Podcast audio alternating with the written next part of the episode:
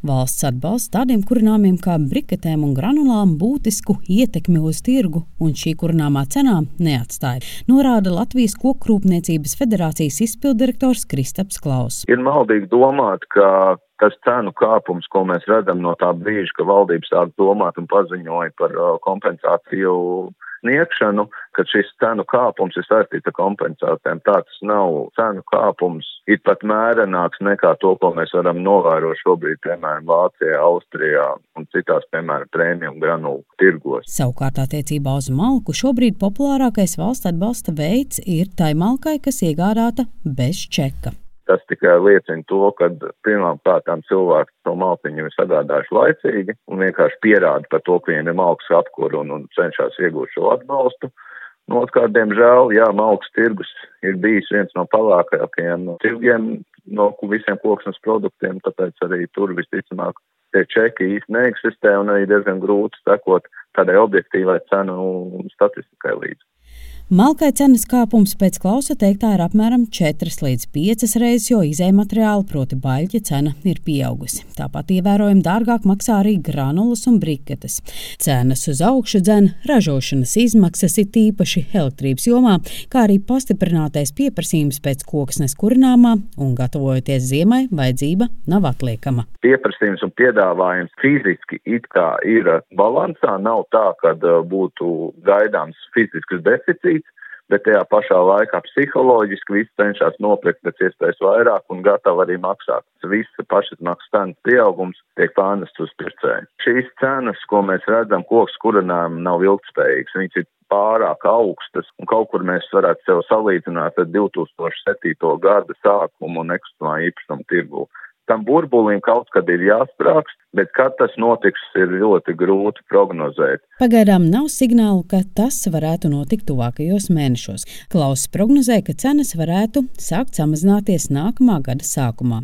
Arī Latvijas biomasas asociācijas valdes priekšsēdētājs Digis Palējs ir pārliecināts, ka valsts atbalsta ietekme uz koksnes kurināmā cenu nav, jo ir citi faktori, kas to ietekmē, piemēram, karš vai cilvēku rīcība krīzes situācijā ka liekas, ka labāk nopirkšu vairāk un labāk man būs ilgākam laikam, un tad veidojās tāda paniska pirkšana, kurai, teiksim, nu, loģiski varbūt grūti rast izskaidrojumu, jo, ja mēs paraugamies uz to, kas Latvijā ir no šiem ilgspējīgiem koksnes resursiem, tad viennozīmīgi mums nav ne mazāko bažu par to, ka fiziski mums varētu kādā brīdī pietrūkt vai nu malkas, vai granulu, vai bikešu. Tas ir psiholoģisks fenomens, ka cilvēkiem šķiet, ka grūtā brīdī ir jāpērk daudz, un tad veidojas strauji pieprasījuma kāpums. Digis Palais uzsver, ka Latvijas kurināmā resursi ir vairākas reizes lielāki nekā mums ir nepieciešams izmantot. Šī situācija radusies ažiotāžas dēļ. Ir skaidrs, ka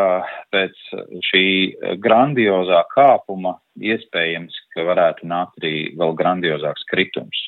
Jautājums, protams, ir tikai, kad tas būs un kas būs tie faktori. Viens no, teiksim, tādiem droši vien visticamākais ļoti eh, spēcīgiem faktoriem varētu būt, ja beigtos karš, vēlams pat ar Ukrainas uzvaru, ka visticamākais tāda visa ražošanas nozara būtu milzīgās grūtībās ar realizāciju, un tāda cena varētu nokrist zem kaut kāda nulles līmeņa, respektīvi ražotājiem būtu grūti izdzīvot tajā brīdī vai arī vispār kaut ko pārdot. Līdz ar kurināmā cenas straujo kāpumu cilvēki cenšas iegūt malku dažādos veidos, arī paši mežā to lasot. Latvijas valsts mežos dubultojies atļauju skaits ciršanas atlieku iegūšanai. Turpina Latvijas valsts mežu pārstāvis Guntis Šķepāniks. Vidēji pa 2000 izrakstījām atļaujas iegūt ciršanas atliekas, tad eh, šogad jau tādu apjomu mēs sasniedzām pusgada laikā. Tas nozīmē, ka būtībā ir divreiz lielāks pieprasījums. Piedāvājums būtībā mums nav mainījies. Es domāju, ka noteicošais ir malks cenu tirgu, kas ir būtībā divu pusreiz dārgāka nekā iepriekš, un cilvēki to nevar atļauties, ka viņi te ir pavērtējuši, ka tomēr varbūt ja viņa dzīves vietas tūmā ir kāda cirsma, kurai nocirstam, kur ir tāda iespēja savākt, ka tas viņiem ir izdevīgāk, nu, lētāk. Bet, nu, protams, tas ir paša fizisks darbs, kas nav, protams, viegli. Guntis Šķepāniks stāsta, ka atļaujas Latvijas valsts meži izraksta bez maksas un cirsmas pārpalikumus atļauts vākt tikai pašpatēriņam. Linda Zalāne, Latvijas radio.